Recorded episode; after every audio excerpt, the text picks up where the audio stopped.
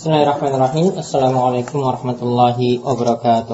Assalamualaikum warahmatullahi wabarakatuh. Alhamdulillahirabbil alamin wassalatu wassalamu ala asyrafil anbiya'i wal mursalin nabiyina Muhammadin wa ala alihi washabbihi ajmain. Alhamdulillah pada kesempatan subuh yang berbahagia ini setelah sholat fajar kita diberi nikmat oleh Allah Subhanahu wa taala untuk dapat melanjutkan kajian kita dari kitab tauhid yang disusun oleh Syekh Muhammad bin Abdul Wahab. Kita pada pagi hari ini ya, telah sampai pada bab majaa firriya. Bab majaa firriya yaitu bab tentang masalah riak. Setelah ini nantinya ada juga ada kaitan dengan ria yaitu beramal termasuk kesyirikan beramal akhirat untuk tujuan dunia. Itu yang kedua nanti kita bahas. Mudah-mudahan juga kita bisa bahas yang ketiga yaitu bab barang siapa yang mentaati ulama dan umara dalam mengharamkan yang halal dan menghalalkan yang haram. Kita akan lihat satu persatu tentang bab-bab yang ada. Mudah-mudahan kita tahu ini ya sebentar lagi bisa selesai. Kita rampungkan. Baik, kita lihat bab ini membicarakan tentang ria. Ya, ria itu apa? Rasa bangga diri dengan Menampakkan amalan pada orang lain. orang lain. Ya, menampakkan amalan kepada orang lain. Ketika dia beribadah sendiri itu malas. Namun kalau di hadapan orang lain Semangat. semangat. Dan Iya, ini kalau udah dipuji kajian. Udah kajian. tambah amalannya lagi. Nah. Ya, tambah amalannya lagi itu namanya ria. Nah, sebagaimana kata Ali bin Abi Thalib, ria itu ada ah, ditemukan dalam tiga keadaan. Ria itu ditemukan dalam tiga Keadaan. keadaan. Yang pertama, merasa malas ketika sendirian.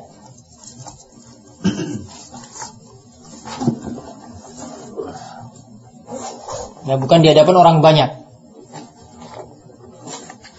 Yang kedua, merasa malas ketika sendirian.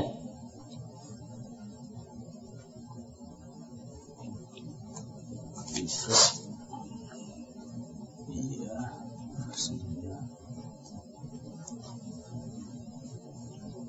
Yang kedua,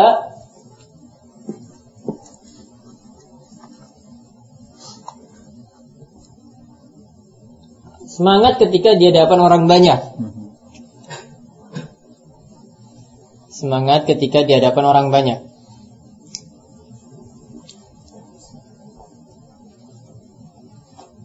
Yang ketiga,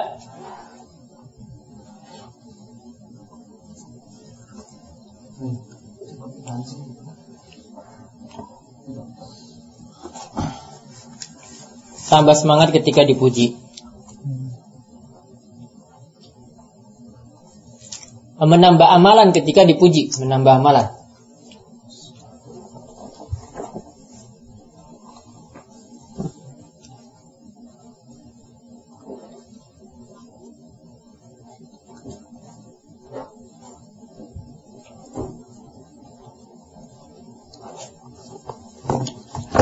Jadi bab ini membicarakan tentang ria tadi, di mana ria ini ya termasuk syirik asgor. Termasuk syirik asgor. Jadi ini mencatat mencacati tauhid seseorang sehingga beliau memasukkannya dalam kitab tauhid. Jadi ria ini mencacati ya tauhid seseorang sehingga beliau itu sengaja masukkannya dalam kitab tauhid. Kita lihat dari dalil yang menunjukkan ya bahwasanya ria ini termasuk kesyirikan. Yang pertama adalah firman Allah Subhanahu wa taala dalam surat Fussilat ayat 6, "Qul innama ana basyarum mislukum yuha ilayya annama ilahukum ilahu wahid."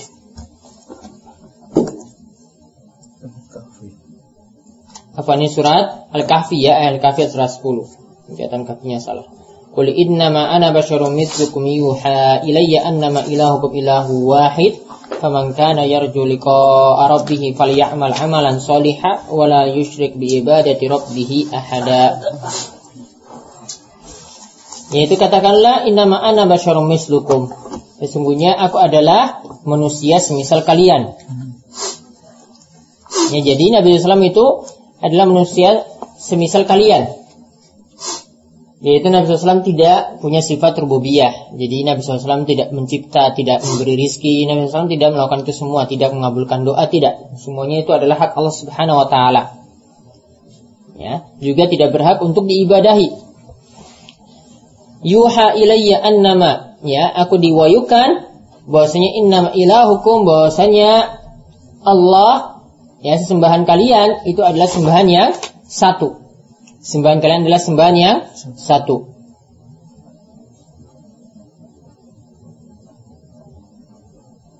Lalu dalam lanjutan ayat tersebut, ya, al ayat di sini kalau dimasukkan di sini adalah ada lanjutan ayatnya, "Faman yarju liqa rabbih barang siapa yang berharap perjumpaan dengan Robnya.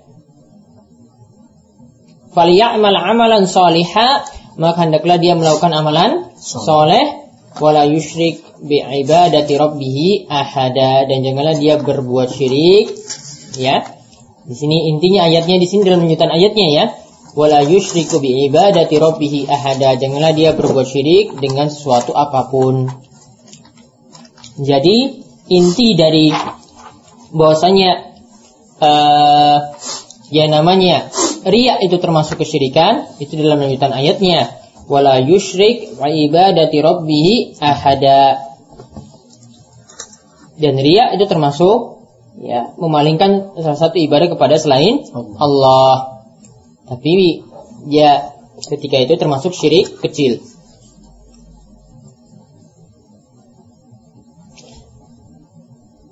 Nah, namun ada istilah, ada dua istilah ya, ada ria, ada sum'ah. Ria itu apa? Menampakkan. Kalau sum'ah itu biar orang lain tuh dengar. Ya, biar orang lain tuh dengar. Nah, ini semua mencacati tauhid seseorang. Nah, kemudian ayat e, dalil yang kedua yaitu hadis an Abi Hurairah marfu'an dari Abu Hurairah dari Abu Hurairah marfu.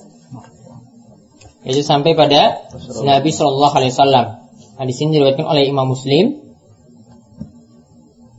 Ana agna syuraka'i 'ani syirki man 'amila 'amalan asyraka ma'i fihi ghairi taraktuhu wa syirkahu.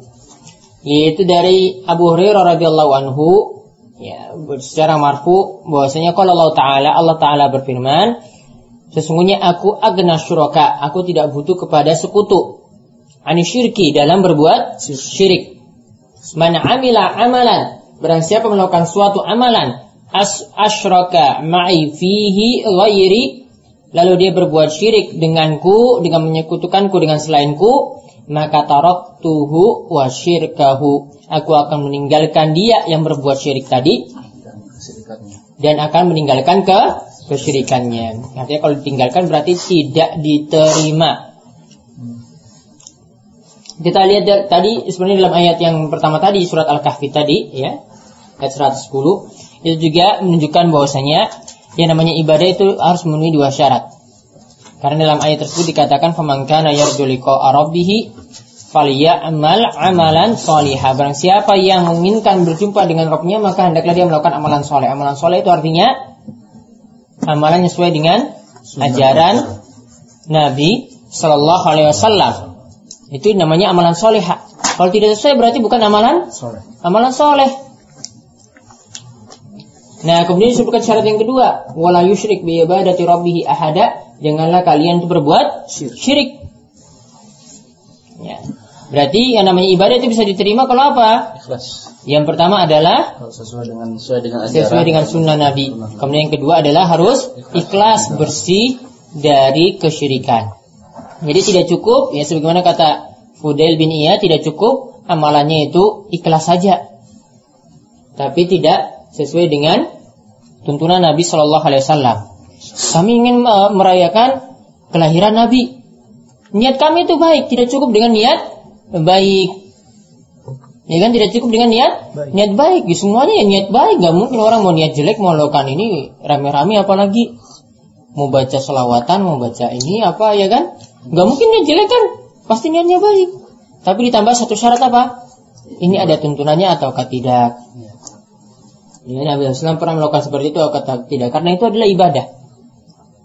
Mauludan itu ibadah apa bukan? Ibadah. Hah? Ibadah atau kayak jual beli muamalah? Ibadah. Kalau jual beli saya eh, suka saya saja mau jual apa? ya kan? Ya. Kalau mauludan apa? Ibadah apa muamalah? Ibadah. Ibadah. Ibadah. Karena orang yang lakukan itu pasti ingin cari pahala. Jadi kalau dia katakan ini muamalah itu keliru. Wong kamu baca selawatan ingin cari pahala enggak? Sodakoh di sana mencari pahala nggak? Sudah aku pengen cari pahala enggak? Iya kan? Ngapain ngadakan itu capek-capek kalau itu cuma hanya perkara biasa saja gitu. Mengharapkan juga Allah. Nah lihat, jadi ada dua syarat. Ya ini satu syaratnya eh, dua syaratnya tadi disebutkan dalam ayat surat al-kahfi tadi. Ya ini syarat yang ke- eh, salah satu syaratnya lagi di sini sudah disebutkan dalam hadis Abu Hurairah yaitu bahwasanya harus bersih dari kesyirikan. Man amila amalan asyraka ma'i fihi ghairi taraktu wa syirkahu. Ini akibat orang yang berbuat riak. Karena barang siapa yang beramal kemudian Allah ketika itu disekutukan. Nah, riak juga termasuk ketika itu. Ya kan ria juga termasuk ketika itu. Maka berarti ria ini yang mencacati keimanan atau ketauhidan seseorang. Itu jadi sesuai dengan judul tadi, sudah masuk judul bahwasanya ria ini termasuk kesy kesyirikan. Kemudian yang ketiga, An Abi Said Al-Khudri, ini Abu Said Al-Khudri ya. Marfu'an sampai pada Nabi Shallallahu alaihi wasallam yaitu Nabi SAW itu bersabda ala ukhbirukum bima huwa akhwafu alaikum indi minal masihid dajjal Maukah kalian aku beritahu ya yaitu yang aku khawatirkan menimpa kalian Maukah ka- aku beritahu sesuatu yang aku khawatirkan menimpa kalian apa yaitu yang aku khawatirkan minal masih dajjal. Ini lebih daripada masihid dajjal. Ya, dajjal itu disebut juga al-masih. Ya, karena dia itu mengusap muka bumi. Dia melewati muka bumi seluruhnya kecuali Mekah dan Madinah. Ini berarti menunjukkan keutamaan hidup di Mekah dan Madinah. Madinah. Riyadh belum masuk. Ini masih dajjal juga masih ke sini. Ya. Jadi pengikutnya nanti orang banyak itu orang-orang Yahudi, banyak juga para wanita. Ya. Dajjal itu matanya dia itu buta sebelah dan orang beriman itu bisa baca di jidatnya itu ada tulisan kafara artinya kafir. Oh kalau bukan orang beriman nggak bisa melihat maksudnya? Dalam hadis katakan orang beriman bisa lihat. Ya.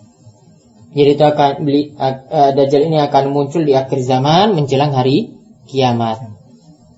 Dan nanti yang akan menumpasnya atau membunuhnya itu adalah siapa? Bisa. Nabi SAW. Nah di sini Nabi SAW katakan bahwasanya sesuatu yang beliau lebih khawatirkan daripada Dajjal. Kalau Karena Imam yang beliau Ahmad itu, hmm? Imam Ahmad itu gimana? Imam Mahdi. Iya Imam Mahdi. Imam Mahdi itu yang jadi pemimpin ketika Dajjal itu datang. Hmm. Bukankah Imam Mahdi itu bersamaan sama Ustaz eh, Nabi Isa gitu? Iya, nanti sama-sama dengan Nabi Isa. yang memberantas Dajjal itu? Mm-mm. Nah, makanya di antara doa yang sering kita baca ketika tasyahud ya kan, berlindung dari empat hal tadi di antaranya adalah berlindung dari Masihid Masih Dajjal. Nah, lihat, ini lebih dikhawatirkan daripada Dajjal. Kalau bala, ya karena tadi dikatakan ala ukhbirukum, ya, tidakkah kalian mau mengetahui gitu ya? Maka kalau kita eh, tanyakan dan kata tanya negatif, maka jawabannya itu bala. Bala, iya ya Rasulullah. Artinya mereka mau mau tahu tentang hal tersebut.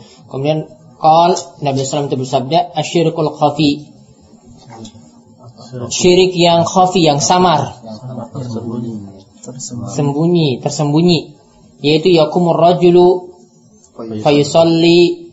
Fayuzayyi Fayuzayyinu salatahu Lima yara man nadhara Rajulun. Manazori. man nazari min nazari rajulin. Lima yara min nazari rajulin.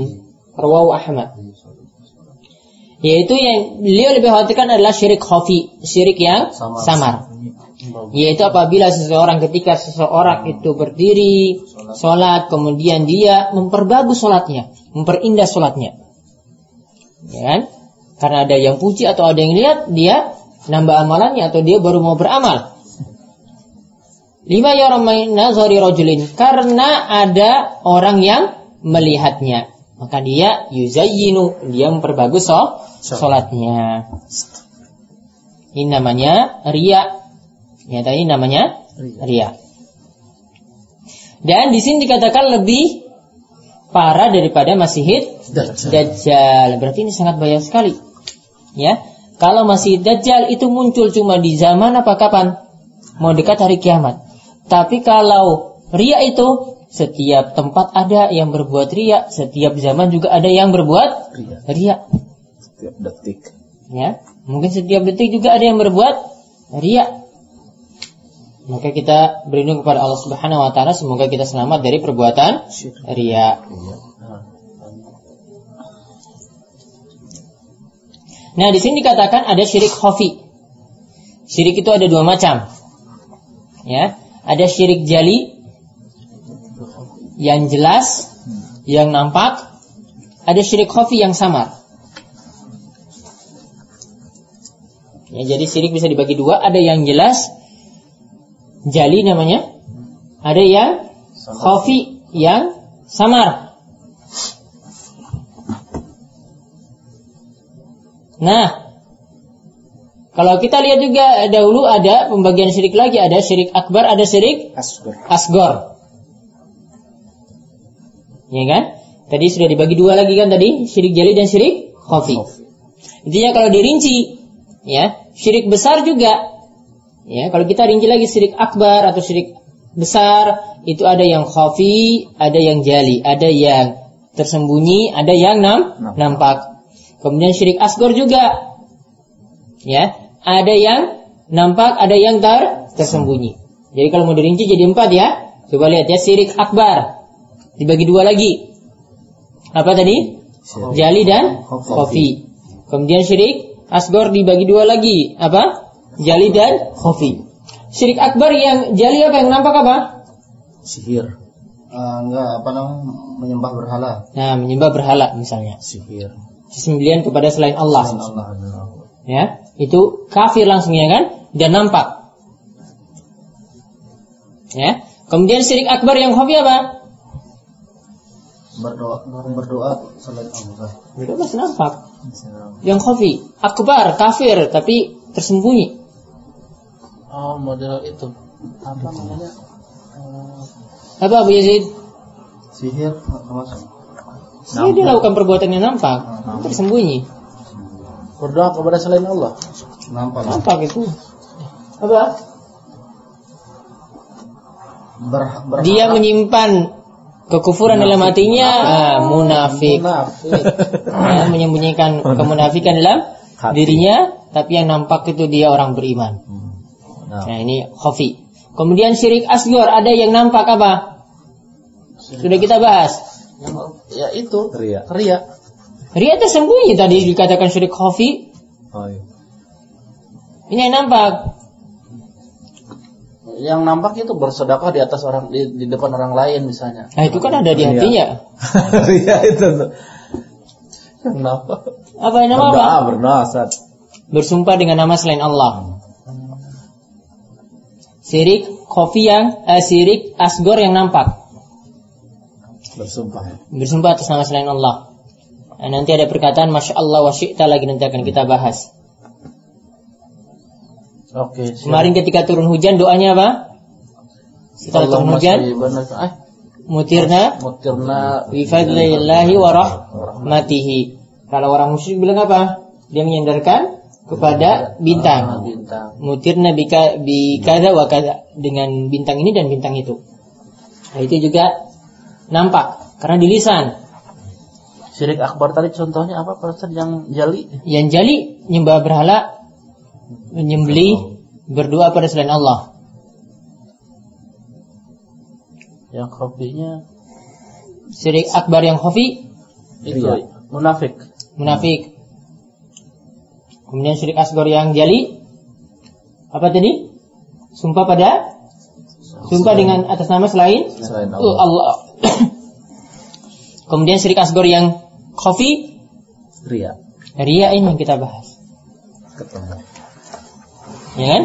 Jadi masing-masing ada ya syirik akbar itu ada yang nampak gitu ya. Ada yang khafi.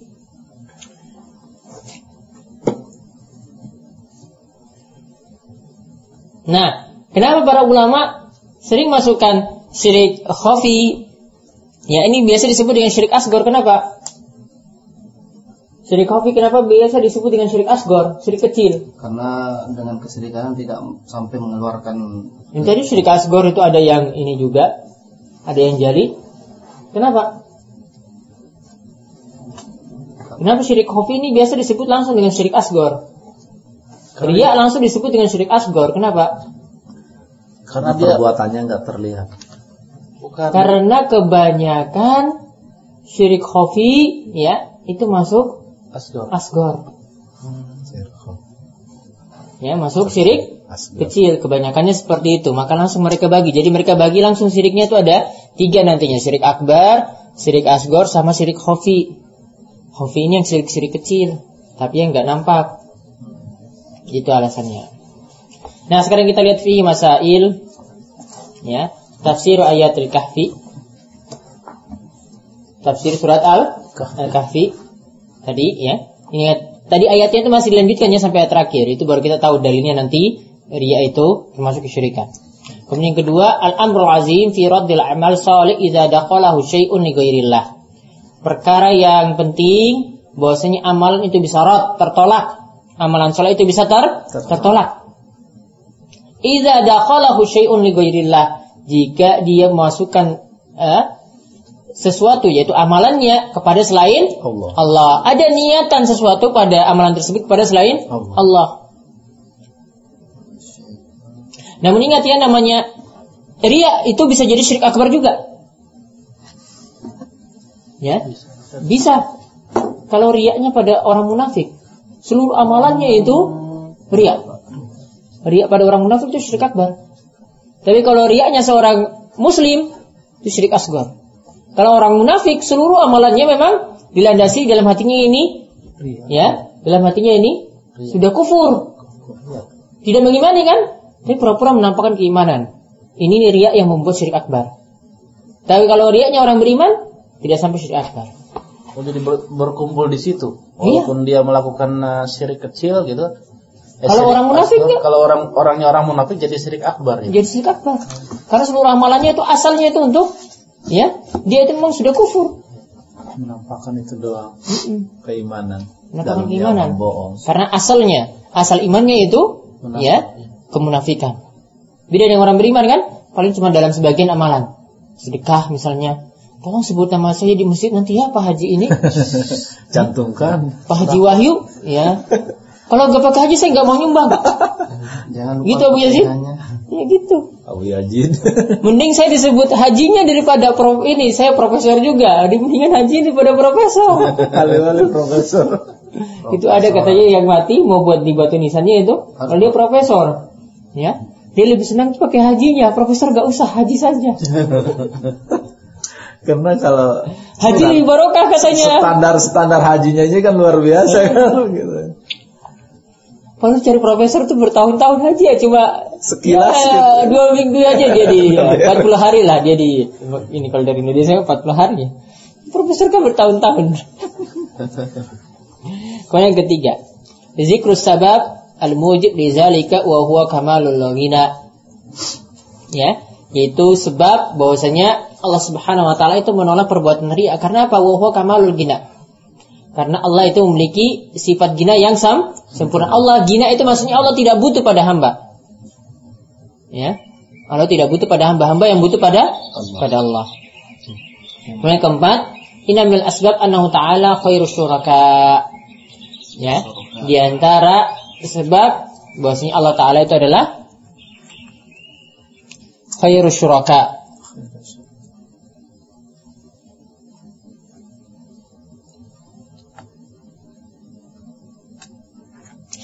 Ya, sebab yang lain kenapa ria itu ditolak juga karena apa?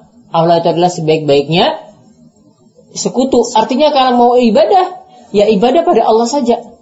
Jangan pada Allah itu diduakan, jangan.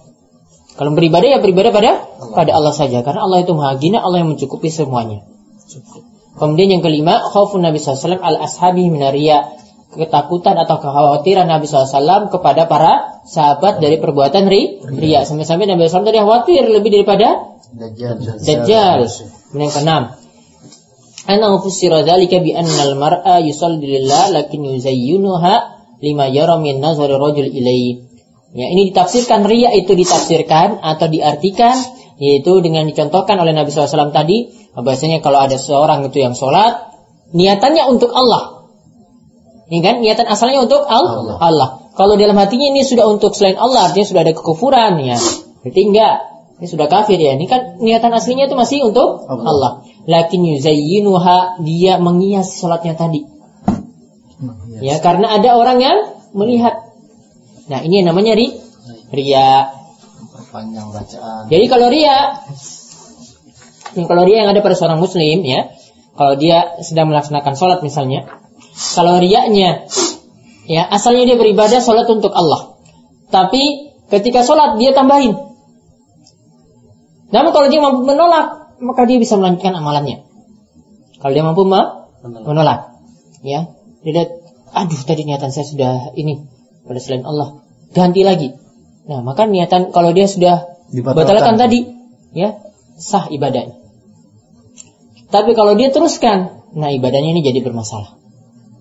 Kalau diteruskan ya sudah. Lanjutkan saja ini saya nama tadi biasanya saya baca kulhu, ini baca surat Al-Baqarah ya. Nah, sudah. Yasin. Salat atau Yasin. Kalau misalnya kitanya sadarnya setelah sholat bagaimana Ustaz? Waduh, tadiku saya alang-alang buana kesat ke mana di pikiran misalnya gitu. Pengen dipuji segala macam, waduh. Berarti sholat saya gimana tuh gimana? Ustaz? Diulangi. Setelah sholat misalnya sadarnya itu. Misalnya pas tahiyat tuh. Itu was-was apa yakin? Pikirannya Ya, masih ya melayang. begitulah antara was-was dan Kalau masih was-was nggak usah dipedulikan. Iya. Kalau yakin, al yakin oleh yazul bisa. Yang namanya keyakinan tidak bisa dikalahkan dengan was-was. Berarti ria itu yang yang ke bawah terus gitu ya? Iya. Yang nggak kita nggak sadar sama sekali gitu.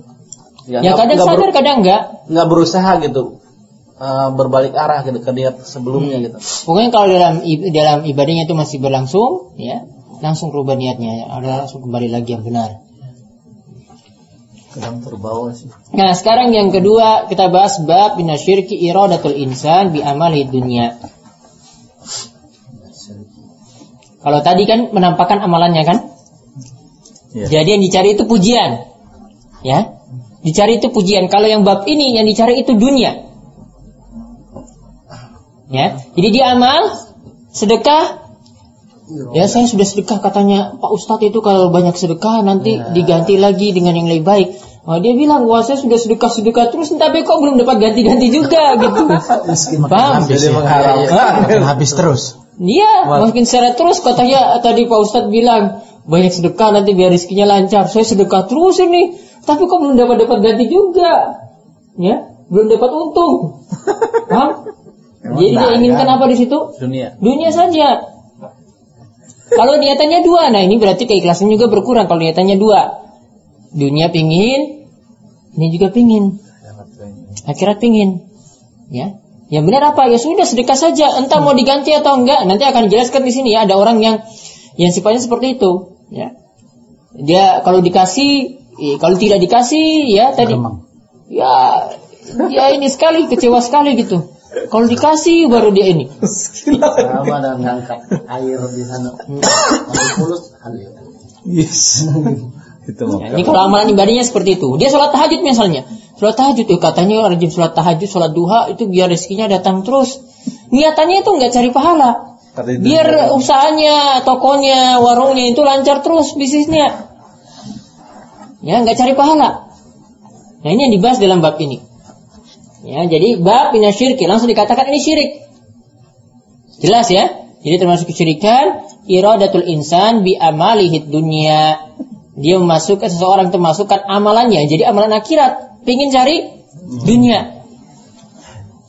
Paham? Ya. Hmm. Kita lihat dalil pertama. Kebahas kan. Keturutan cita-citanya ini. Hmm. Yaitu firman Allah Subhanahu wa taala, "Man kana yuridul hayatad dunya wa zinataha nuwaffi ilaihim a'malahum fiha wa hum fiha la yubkhasun." Ulaika allazina laysa lahum fil akhirati illa an-nar wa habita ma sana'u fiha wa batilum ma kanu ya'malun. Surat Hud ayat 15 sampai 16. Situ sampai ayat terak- sampai ayatnya panjang nggak situ? 15 saja. Sampai 15. Nah, itu ada lanjutannya. Lihat di ayat 16 juga itu ya. Mangkana yuridul hayatad dunia barang siapa yang menginginkan kehidupan dunia atau keuntungan dunia. Wazinataha dan perhiasannya. Jadi dalam dia amalan pingin cari dunia saja. Ingat ya, ini maksud amalan ya. Beda kalau orang itu berdoa minta dunia, boleh. Saya berdoa minta anak boleh nggak? Boleh. Ya boleh. Karena memang dia langsung minta dun, dunia. Ini dia lakukan amalan soleh, dimaksudkan supaya dibalas dengan dun, dunia. Beda kan? Kalau doa gimana? Minta dunia? Ya boleh. Ini nggak masuk dalam bahasan ini. Yang kita bahas itu lakukan amalan. Seperti eh, sodakoh tadi. Iya. Ini amalan. Kalau doa kita minta dunia kan minta dunia langsung. Nah, barang siapa yang menginginkan kehidupan dunia dan perhiasannya, nuwafi ilaihi maka nanti akan kami balas. Dia pingin sedekah itu nanti akan kami kami balas. Dia pingin dapat untung banyak kan? Dari sedekah itu kan? Biar diganti, biar di kalau 5000 ya, biar diganti 500 ribu. Kami akan beri. Nuwafi ilaihim a'malahum. Kami akan balas amalan mereka. Fiha yaitu dalamnya wahum fiha la yukhasun dan mereka tidak akan dirugikan. Assalamualaikum. Warahmatullah. Ya tidak akan di dikurangi permintaannya tadi. Dia minta dunia tetap dikasih dun, dunia. Tapi apa balasannya? Lihat di ayat selanjutnya. Ulaikal ladzina laisa lahum fil akhirati illa nar. Namun kalau di akhirat ya, tidak ada balasan bagi mereka kecuali apa? Nar neraka. Berarti berarti ini menunjukkan bahwasanya seseorang yang beramal soleh cuma ingin cari balasan dunia, berarti termasuk ya, termasuk terlarang karena apa? Ada balasannya di sini diancam dengan neraka. Wahabita ma sonau dan batala apa yang mereka lakukan fiha di dunia ya wabatilu makanu ya'malun dan batilla batalla apa yang mereka kerjakan. Sia-sia. Ya. Berarti tetap kalau minta dunia diberi nggak tadi? Beri. Diberi. Tapi di akhirat tidak dapat apa-apa. Bahkan tadi, ya, laisa lahum fil akhirati illa nar. Balasannya itu neraka. Berarti ini tidak diperbolehkan. Kalau doa kita digantung tadi. Salah. Kenapa? Doa kita digantung, minta dunia nggak dikasih kasih terus. Gantung terus. Ingat makanya doa itu gimana? Ya, doa itu pasti Allah itu kaji- kabulkan. Ya. Harus yakin. Namun bentuk pengabulannya ada berapa macam? Iya. Tiga. Yang pertama apa? Bisa dikabulkan di dunia. Bisa dikabulkan saat itu juga. Minta tambah istri, Iya. dikasih langsung. Minta tambah anak, dikasih. Namun bisa pilihan yang kedua apa? Bisa apa menjaga kita dari bahaya. Diganti ya supaya kita selamat dari bahaya. bahaya. Kamu minta mobil misalnya, kalau kamu punya mobil malah kamu jadi orang sombong, jadi Allah ganti. Sudah kamu dikasih motor saja. Miskin jadi miskin terus kita. Bahaya. gitu. Iya karena itu lebih baik daripada kamu daripada kamu punya mobil cuma gaya-gaya aja nanti. Ya, nanti Pak Sodik, eh, Sodik nih mobil baru gua nih. Ria Ah, jadi. jadi ini jadi sombong kan? Malah kan naikkan janda. Iya. Ini kan janda terus semua sum. Malah main perempuan. Kemudian yang ketiga, kemungkinan yang ketiga apa? Dikabulkan di akhirat. Sebagai tabungan pahala di akhirat. Semuanya artinya itu semuanya dibalas kan? Ya. Dibalas. Maka ketika para sahabat itu dengan Nabi SAW itu katakan seperti ini, oh sudah kalau gitu kami perbanyak doa saya pasti nanti dikabulkan. Karena bentuk pengabulannya itu tiga, Tiga. tadi. Ya makanya anak bilang kan digantung terus. Ya kalau diganti terus mungkin Allah ganti dengan yang lebih baik kan. Ada rezekinya kok tambah lancar, di ditambah mudahkan. Eh dikabulkan di akhirat lebih luar biasa. Karena kita mengharapkan pahala Ya. itu di akhirat. Nah itu dalil yang pertama ya. ya jadi intinya tidak boleh amal akhirat itu diniatkan untuk cari keuntungan dunia. Gimana kalau gitu imam masjid dibayar, Nah. Ah, ah, ah. muazin Dia bayar. dibayar, gimana? Dalilnya ini kan imam juga manusia katanya. Bisa makan. Intinya kalau dia tetap beramal ingin amalan soleh ya tetap itu jadi ya gajinya tadi itu sebagai tambahan untuk dia. Ya. Jadi asalnya tetap harus apa? Ikhlas. Harus niatkan untuk Allah Subhanahu wa taala. Jadi seperti jangan semata-mata kerja ingin aja cari gitu. dunia. Jangan semata-mata ingin cari dunia saja. Kalau dia misalnya Sama dengan orang haji, ya pergi haji, kok dagang di sana, cari untung kan? Nah, sama. Jadi dapat dunia dapat, akhirat juga dapat. kalau misalnya nih ya, ada imam yang dibayar. Hmm. Kemudian dia berniatnya kan begitu. Suatu hari gajinya telat misalnya sehingga Dia keluarganya jadi keleleran. Nah, dia eh, ada perubahan dalam hatinya bagaimana tuh Pak Ustaz? Ya, jadi masalah ketika atau itu. gimana gitu. Udah nggak ngeliwat dapur nggak ngebul. Pokoknya asalnya harus dia harus niat ikhlas gitu ya. Nanti kalau ada keuntungan dunia itu tambahan untuk dia. Nah, lihat lagi hadis berikutnya. Ta'isa Abdul Dinar, Ta'isa Abdul Dirham, Ta'isa Abdul Khamis, Ta'isa Abdul Khamila, in u'tiya radiya, wa illam yu'ta sakhita. Eh, Ta'isa wa antakasa, wa idha syika falantakasha, falantakasha. Tuba li'abdin akhdhi ba'inani farasihi fisabilillah ash'asa ra'suhu muqabarratin muq- muq- mugabbaratin qadamahu in kana fil hirasati kana fil hirasah wa in kana fis saqah kana fis saqah wa in ista'zana lam yu'zan lah wa in syafa'a lam yushaffa yaitu dari dalam hadis sahih yaitu Sahih Bukhari. Ya, dalam Sahih Bukhari dikatakan Ta'isa Abdul Dinar, celakalah ya pengagum dinar, penghamba dinar. Ta'isa Abdul Dirham. Dinar dari apa? Emas ya.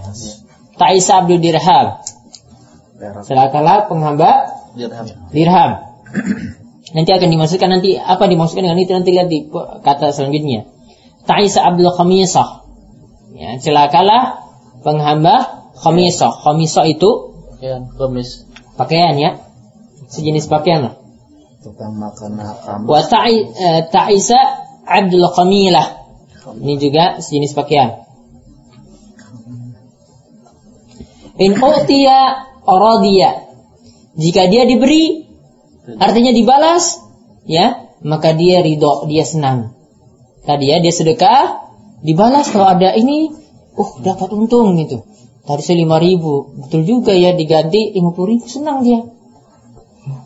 Wa illam yu'ta sakito. Namun ketika di, nggak diberi tadi, kata Pak Ustaz sudah tadi bilang kalau lima ribu nanti diganti lima ratus ribu. Ini kok belum datang-datang juga sakito. Dia kecewa sekali dia murka. Ya, dia sakit atau kecewa, dia itu murka, kecewa. Ta'isa wantakasa. ya, celakalah dan tersungkurlah dia. Ya. Intakasa itu maksudnya ini doa, doa jelek untuk orang yang seperti ini niatannya untuk cari dunia saja, untuk amalan solehnya. Itu doa jeleknya di situ. Nah, ini wajib dalalanya pada perkataan ta'isa wan takasa. Berarti apa? Tadi yang dimaksudkan dengan orang yang beramal untuk cari dunia tadi termasuk kesyirikan. Nah, di sini wajib dalalahnya. ya, karena di, diancam situ langsung ya. Diancam. Kemudian wa idza syika falan. Syika itu jika apabila ia terkena duri, syika itu maksudnya duri.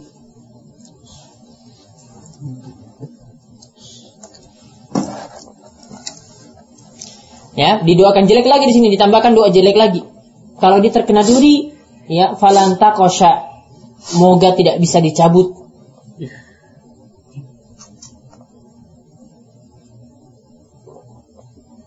Kemudian setelah itu ini orang yang berbeda. Ya, tadi untuk orang yang cari dunia dalam amalannya. Lalu setelah ini tentang keutamaan orang yang berjihad. Tuba li, li abdin, ya. Tuba itu maksudnya kadang bisa diartikan pohon di surga, ya. ya bisa diartikan surga juga. Ya beruntunglah mendapatkan kebaikan li abdin bagi seseorang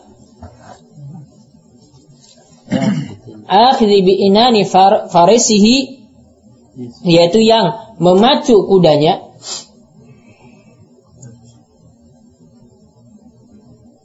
yaitu orang yang memacu kudanya untuk apa? Fisabilillah untuk berjihad di jalan Allah. Allah. Untuk di jalan Allah. Kemudian as asa suhu, kemudian rambutnya jadi kusut. Ya.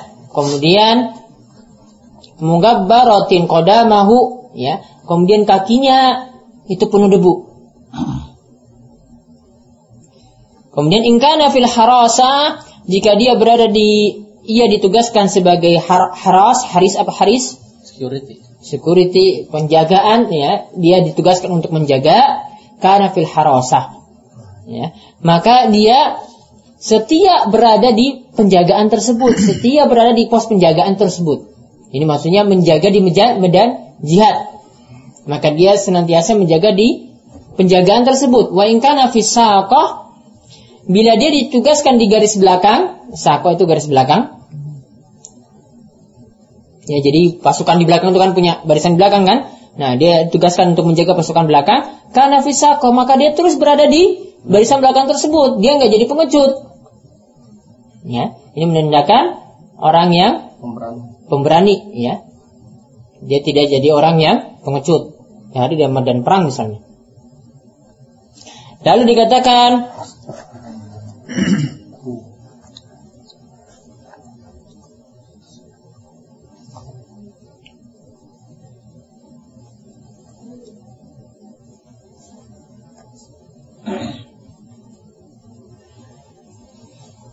Dan jika dia ini sta'zana jika dia itu minta izin untuk masuk kepada penguasa, untuk menemui penguasa. Kemudian lam uzan lahu. Ya, maka dia tidak diizinkan untuk menemuinya. Karena dia tidak punya kedudukan. Nah, ini menunjukkan bahwasanya ini menunjukkan hadis ini ini sta'zana lam yu'zan lahu karena kalau orang itu ingin cari dunia ya ketika dia dijelekan dia tidak diizinkan untuk masuk kepada penguasa. Misalnya dia mau bertemu pada penguasa kan nggak diizinkan ya. Atau dia minta jabatan misalnya nggak dikasih sama penguasa tadi maka di belakang dia jelek-jelekan penguasa tadi. Wah ini si pak ini pemimpin kita ini jelek sekali dia ini. Oh, saya dia kayak begini kayak begini kayak begini. Karena dia, dia tadi kalau minta sesuatu di antaranya minta izin sini untuk betul maksudnya untuk minta jabatan misalnya ya tidak dikasih ya maka dia jelek-jelekan. Ya. Namun orang ini punya sifat baik apa Ya sudah kalau tidak diizinkan ya sudah. Lam yu'zan lahu. Ya sudah dia tidak diizinkan ya sudah. Ya dia tidak jelek je, jelekan. Kemudian wa in syafa'a lam syafa' dan ketika dia diminta ya dia diminta syafaat dan jika dia bertindak sebagai pemberi syafaat lam syafa' maka dia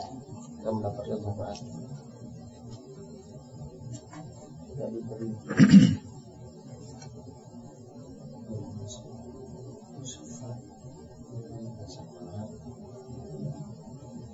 di antara tanda orang ini juga artinya dia tidak cari dunia, ya. Dia adalah ketika dia meminta syafaat, artinya dia ingin bantu orang lain untuk datang kepada penguasa, jadi dia jadi perantara. Saya pernah jelaskan tentang syafaat seperti itu ya. Dan syafaat kemudian dia tidak diterima syafaatnya. Sama juga dia tidak jelek-jelekan penguasanya tersebut. Jadi intinya di sini orang yang pertama tadi Abdul Dinar, Abdul Dirham itu sifatnya adalah untuk cari dunia. dunia. Tapi kalau orang yang dia disabilillah tadi atau dia ketika datang kepada penguasa di sini dia tidak jelek-jelekan penguasa tadi, ya. Ini berarti sifat orang yang bukan ingin cari Dunia. dunia dengan amalan solehnya. Berarti ini dijelaskan dua orang yang berbeda kan? Orang yang pertama ini tadi didoakan jelek, ya, didoakan jeleknya itu gimana tadi? Ya, semoga celaka untuknya, semoga kalau terkena duri tidak bisa di, Cabut. dicabut. Nah, orang yang berikutnya ini dikatakan tuba li abdin, sungguh beruntung, artinya dia mendapatkan balasan kebaikan, ya, karena dia punya sifat bukan cari dunia dengan amalan Soleh. solehnya.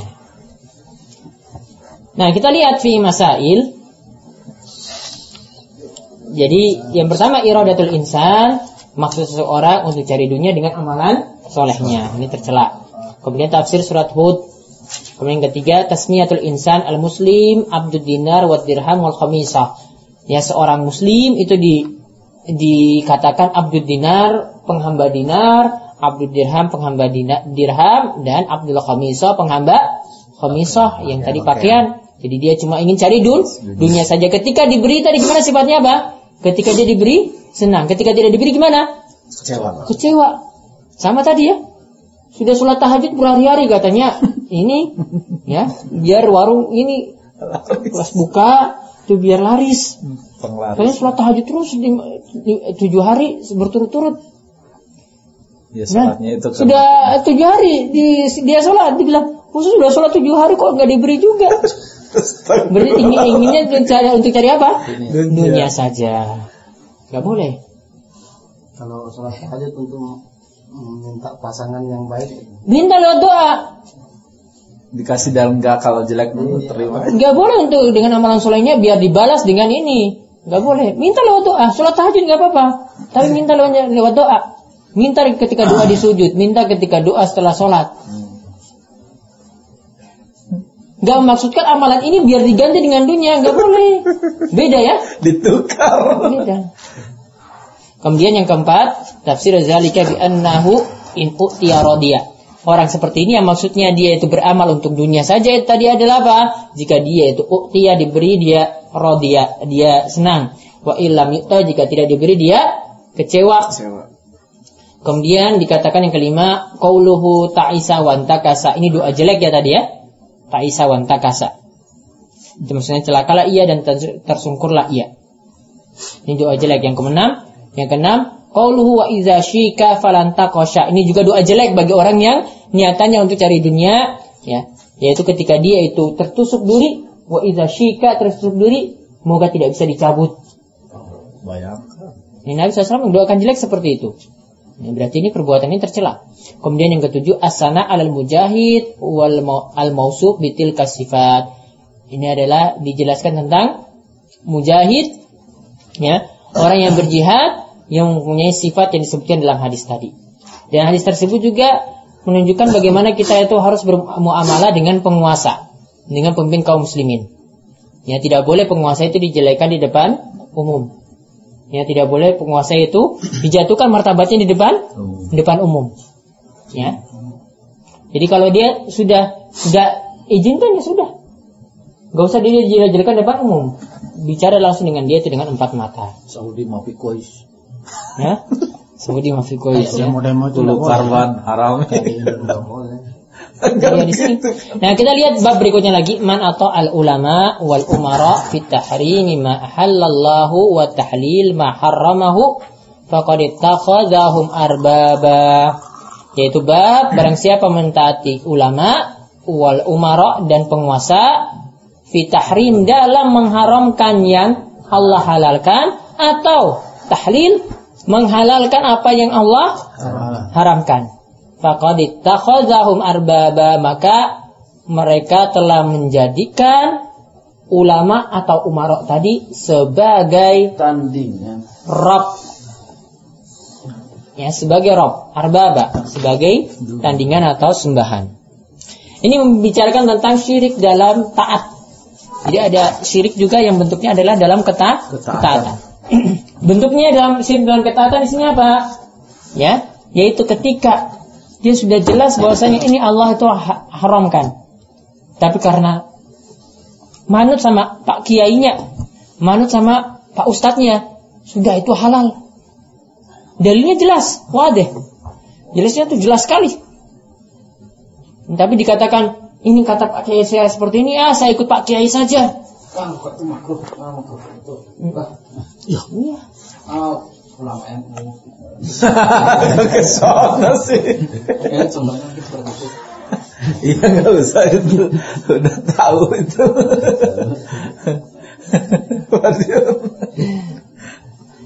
Dan dalilnya apa? Jadi ini bahas sekali lagi tentang syirik apa tadi? syirik taat ya. Taatan. Ini dimasukkan sengaja juga dalam kitab Tauhid. Karena ketaatan itu adalah ibadah, ya. Jadi kalau dalam masalah ketaatan seperti ini, ya, sampai membuat seorang itu mengharamkan yang halal atau menghalalkan yang haram, ya, maka berarti tauhidnya itu cacat. Karena kita hanya boleh taat kepada siapa? Taat kepada Allah. Nah, kita lihat beberapa dalil yang dikemukakan oleh Syekh Muhammad bin Abdul Wahab wa qala Ibnu Abbas, Ibnu Abbas itu berkata, "Yushiku an tanzula 'alaikum hijarah minas sama." Hampir-hampir saja kalian itu ditimpa hujan batu dari Langit. langit. Ya. Kalau sahabat sudah katakan demikian ini berarti ini doa jelek ya kan? Hampir-hampir saja kalian tuh ditimpa. Ya. Hujan batu dari langit. Aku lu padahal aku katakan Qala Rasulullah SAW Rasulullah itu bersabda Demikian Wa yakulun wa taqulun Namun kalian itu berkata Qala Abu Bakar wa Umar Ini loh Abu Bakar sama Umar dikatakan demikian Padahal tadi Ibnu Abbas tadi katakan sudah bawa hadis Nabi Langsung. Tapi dibantah dengan perkataan apa? Abu Bakar. Ini Abu Bakar dan Umar Coba lihat ini posisinya dia tan uh, Ibnu Abbas ini bandingkan perkataan Nabi SAW ini dengan perkataan Abu Bakar. Abu Bakar padahal orang yang nomor dua setelah Nabi SAW. Ya kan? Dalam umat ini Abu Bakar itu nomor dua. ini menunjukkan bahwasanya kalau ada orang di bawah Nabi SAW ditandingkan lagi gimana? Berarti lebih tidak pantas ya kan? Abu Bakar sama Umar saya tidak boleh ditandingkan seperti itu, apalagi orang di bawahnya dia ini ya sudah ada hadis Nabi jelas. Tapi dia bawa perkataan apa? Ini loh Pak Kiai saya bilang seperti ini. Kalau tadi hadisnya itu jelas. Tidak ada takwil, tidak ada pemalingan makna. Hadisnya itu sudah jelas. Karena tidak diperbolehkan. Kemudian Imam Ahmad juga mengatakan waqala Ahmad bin Hambal Imam Ahmad itu mengatakan Ajibtu liqaumin. Aku terkagum pada suatu kaum.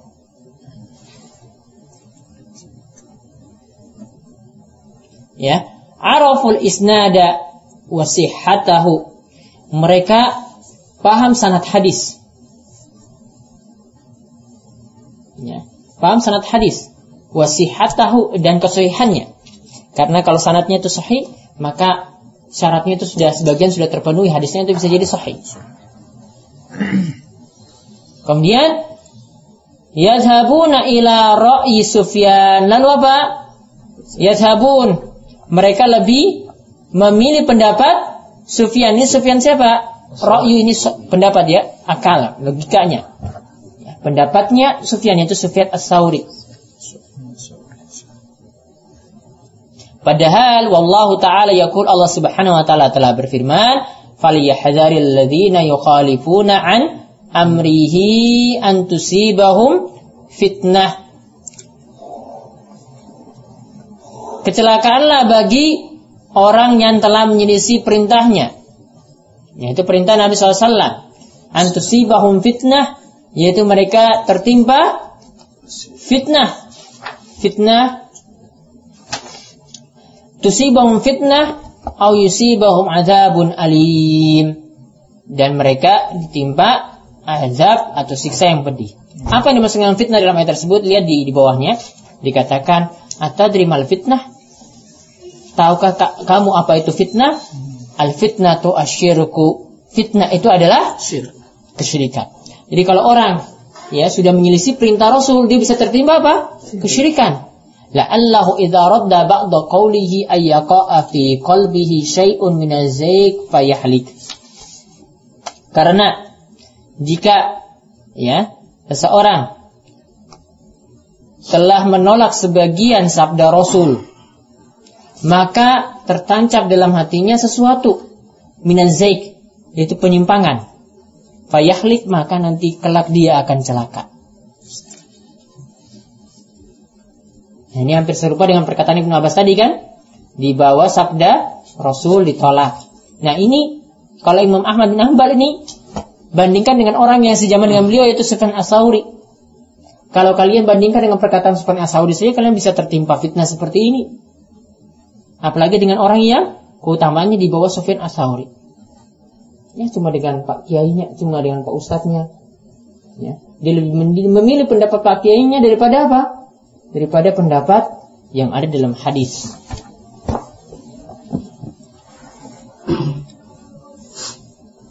Maka di sini menunjukkan haramnya taklid. Taklid apa? Manut atau sekedar ikut tanpa tahu dalil. Ya, tanpa tahu dalil. Namun ya, boleh kita bertaklid terutama kalau orang awam, ya. Namun kepada orang yang terpercaya ilmunya. Jadi orang awam boleh taklid nggak? Boleh. Misalnya dalam masalah sholat, ya cara sholatnya seperti ini. Saya harus tahu tahu tahu tata sholat. Tiga tiga tahu dalilnya. Pokoknya sholatnya seperti ini. Boleh nggak? Boleh. Boleh asal belajar dari orang yang benar. Ya makanya kalau para ulama itu nulis kitab fikih, ya itu nggak kasih dalilnya. Kitab kitab fikih masjid nggak ada kasih dalil. Dalilnya itu sedikit. Atau nggak disebutkan dalil sama sekali. Kasih tahu caranya seperti ini. Rukun sholat ini ini ini sudah. Dalilnya mana? Nanti kalian punya paham dulu, taklid dulu. Ikut aja ini dulu. Nanti kalau sudah bisa paham dalil, bisa bandingkan ayat ini dan hadis dan beberapa dalil yang lainnya, hadis ini dengan beberapa dalil yang lainnya, baru kalian pilih apa? Pilih pendapat yang kalian yakin itu lebih kuat. Jadi tidak apa-apa taklid itu kalau bagi orang awam. Jadi boleh. Jadi tidak tercela. Tapi taklid pada orang yang lebih berilmu. Kemudian yang berikutnya dari Adi bin Hatim annahu sami'a ya bahwasanya Adi bin Hatim radhiyallahu anhu itu mendengar Nabi SAW yaqra'u hadhil ayah itu membaca ayat ittakhadhu ahbarahum wa ruhbanahum arbabam min dunillah. Mereka menjadikan ahbarahum. Ahbar itu adalah ulamanya Yahudi. Wa ruhbanahum dan rahib yaitu ahli ibadahnya Nasara. Jadi mereka ini menjadikan akhbarahum wa ruhbanahum arbab sebagai Rob selain Allah. Maksudnya menjadikan Rob selain Allah di sini apa? Dalam menghalalkan yang haram dan mengharamkan yang halal. Min dunillah selain Allah. Kemudian ketika itu Adi bin Hatim itu mengatakan fakultulahu. Ya, Adi bin Hatim ini kan dulu ahli kitab. Ya, dia kemudian katakan kepada Nabi SAW, kok kamu itu katakan, ya, bahwasanya etakhod ahbarau awarohbanau arbab. Kalian itu menyembah, ya, bahwasanya ahli kitab itu menyembah pendeta mereka sendiri. Kemudian Adi bin Hatim sanggah. Sanggahannya gimana? Fakultulahu, aku katakan pada Nabi SAW, innalasna na'buduhum. Kami tidak menyembah mereka ya Nabi. Kami tidak beribadah kepada mereka, kami tidak sujud depan mereka enggak. Kemudian Nabi SAW itu katakan, Qal alaysa yuharrimuna ma ahallallah fatuharrimuna wa yuhilluna ma harramallah fatuhilluna. Apakah bukankah kalian itu mengharamkan apa yang telah Allah itu halalkan? Sehingga jadi haram. Wa yuhilluna dan kalian itu menghalalkan apa yang Allah haramkan ya sehingga jadi halal. Kemudian fakultu Adi bin Hatim itu katakan, bala, iya benar ya Rasulullah. Jadi betul mereka seperti itu kan? Ayat ini diubah. Ini haram seperti ini. Zina itu sudah haram. Ini hukumannya itu rajam. Tutup sama orang Yahudi, diganti, ditutup. Jangan sampai ada hukum rajam. Sudah ada. Ya, Isa juga tidak suruh mereka eh, tidak suruh umatnya untuk beribadah kepada Isa sendiri. Jadi mereka palingkan ayat-ayat semacam itu dalam kitab mereka. Nah ini bentuk apa? Penghalalan yang sudah haram. Atau sebaliknya.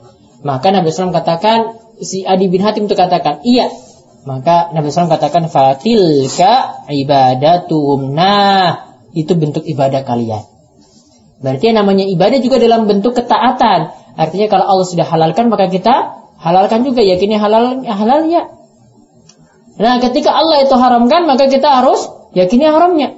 Berarti kalau melakukan sebaliknya berarti kita beribadah atau kita melakukan syirik dalam ketaatan kepada orang yang menghalalkan tadi padahal itu haram atau orang yang mengharamkan tadi padahal itu ha halal.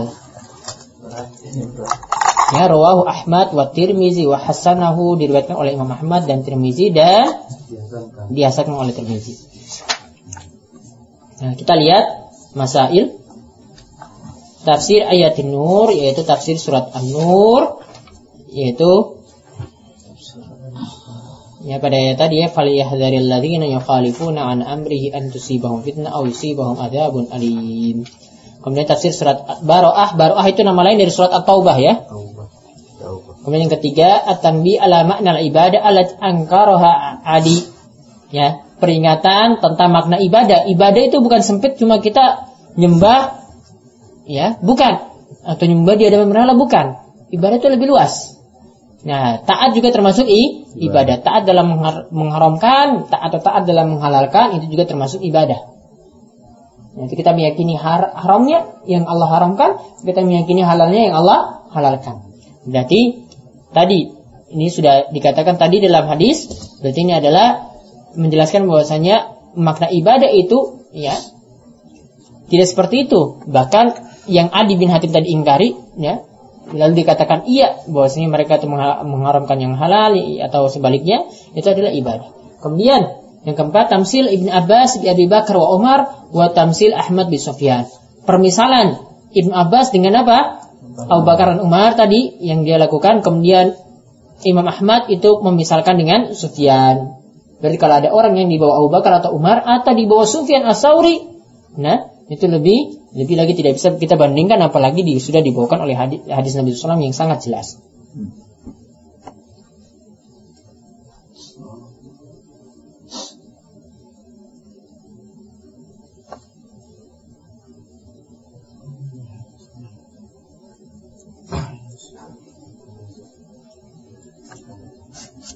Kemudian yang kelima yaitu uh, adanya intinya yang kelima itu maksudnya adalah yang saya ringkaskan bahwasanya kebanyakan orang itu memahami ibadah ya cuma beribadah langsung seperti itu kita menyembah selain Allah dinamakan ibadah tidak tapi yang dimaksudkan ibadah itu adalah apa termasuk juga dalam menghalalkan yang halal ya atau mengharamkan yang sudah di haramkan. Meyakini itu halal, meyakini itu haram, nah itu juga termasuk bentuk ke ketaatan. Baik, untuk yang bab berikutnya itu masih nyambung juga nanti insya Allah kita akan bahas untuk kajian nanti sore insya Allah Bismillah. Saat misalnya begini ya, ada suatu pembahasan gitu dalam ketika ulama itu ada yang berselisih pendapat, ada yang menghalalkan, ada yang memakruhkan. Hmm. Contoh seperti bab rokok lah gitu kan. Hmm. Jadi di Indonesia itu sekarang ada yang berbeda pendapat gitu, ada yang mengatakan ini halal, ini makruh. Nah, bagaimana kita mentaati umarok kita ini gitu? Kalau dalam berselisih pendapatnya seperti itu, sedangkan itu kita takutnya dengan ini, tahu-tahu nanti itu sesuatu yang diharamkan oleh Allah, kita ikut makruhkan gitu, ikut menghalalkan, membolehkan gitu orang merokok. Jadi bagaimana cara kita mentaati umar yang seperti itu? Jadi mentaatinya, ya, tentu saja sesuai dengan dalil. Fa'in tanaza'tum fi syai'in farudduhu ila Allahi wa rasuli. Jika kalian berselisih pada sesuatu, maka kembalikanlah kepada Allah dan Rasulnya. Maka kalau orang awam itu mampu melihat dalil, maka lihatlah dalil. Kalau dalilnya itu sudah jelas-jelas ya, bahwasanya rokok itu bahayanya seperti ini sehingga dikatakan itu haram. Di antara dirinya lah doror wala dirar Ya, nah, tidak boleh memberikan bahaya dampak bahaya dan banyak dalil yang lainnya. Wala taqtul anfusakum janganlah kalian itu membunuh diri kalian sendiri. Dan rokok termasuk bentuk bunuh diri sendiri secara perlahan-lahan. Iya kan? Termasuk. Maka pertama lihat dalilnya. Kalau tidak bisa lihat dalil misalnya dalam masalah yang lainnya ya maka lihat pendapat ulama yang paling alim. Dan paling warok. Paling hati-hati. Kalau lihat eh, sini fatwa ulamanya tadi yang bilang makruh, oh ternyata Pak Pak Kiainya ternyata ngerokok juga Dalam masjid lagi. dalam masjid lagi. Dekat mimbar. Sebelum naik mimbar. Dekat mimbar. Oh dekat mimbar. Ini kan mesti dekat mimbar ya. ya. Kalau di dalam masalah ini saya tidak warok. Ya, gimana mau diikuti? Ya itu kalau lagi zikir kan di masjid. Iya, makanya cari yang paling warok, yang paling berilmu. Itu ya. Kalau orang awam kalau sudah ukur dalilnya itu mana nggak tahu. Cari yang paling warok. Masa seperti ini mau diambil? Dia sendiri kesehariannya sih seperti itu. Ya ngepul-ngepul aja. Alu hisap. Apalagi kalau mau lidah. Apalagi mau lidan. Rokok paling di atas makanan tempatnya. Kalau tempat saya ini. Hmm. Ngeblok ya. Iya. Iya dia di masjid itu. Ya pokoknya kalau orang awam lihat dalilnya nggak mampu pertimbangkan dalil-dalil yang ada, silakan pilih sesuai dalil. Itu dulu. Kalau tidak mampu, ya misalnya tidak ada dalilnya, sudah pilih yang paling ngorok. Itu lebih aman. Yang paling alim, yang paling ngorok. Gampang kan? Gampang. Kalau tidak bisa lagi, jauhi subhat. Man waqa'a fi subhat. Nah, waqa'a fil haram. Barang siapa yang terjadi dalam perkara syubhat, maka dia jatuh dalam perkara haram. Kalau dalam perkara seperti ini, ini katakan makruh, ada yang katakan haram. Hati-hatinya pilih yang mana? Yang haram biar terjauh. Bukan malah hati-hatinya makruh aja biar enak kita. Enggak itu enggak warok berarti. Kalau masih doyan dia gitu. Lagi, lagi kepingin makruh dulu sebentar. Dulu sebentar. Nah, itulah kejutannya itu kan. Sudah mulai. Itu orang yang wanita khaza ilahahu hawahu. Itu menjadikan hatinya eh, hawa nafsunya itu sebagai ilah, sebagai sembahan. Jadi dia ikut hatinya saja gitu, enggak bisa. Gitu. Termasuk sirik malahan itu ya. Sudah ya? Subhanakallahumma bihamdika asyhadu an la ilaha illa anta astaghfiruka wa atubu ilaik. Sallallahu alaihi wa sallam Muhammad wa alihi wa sahbihi ajmain. Alhamdulillahirabbil alamin.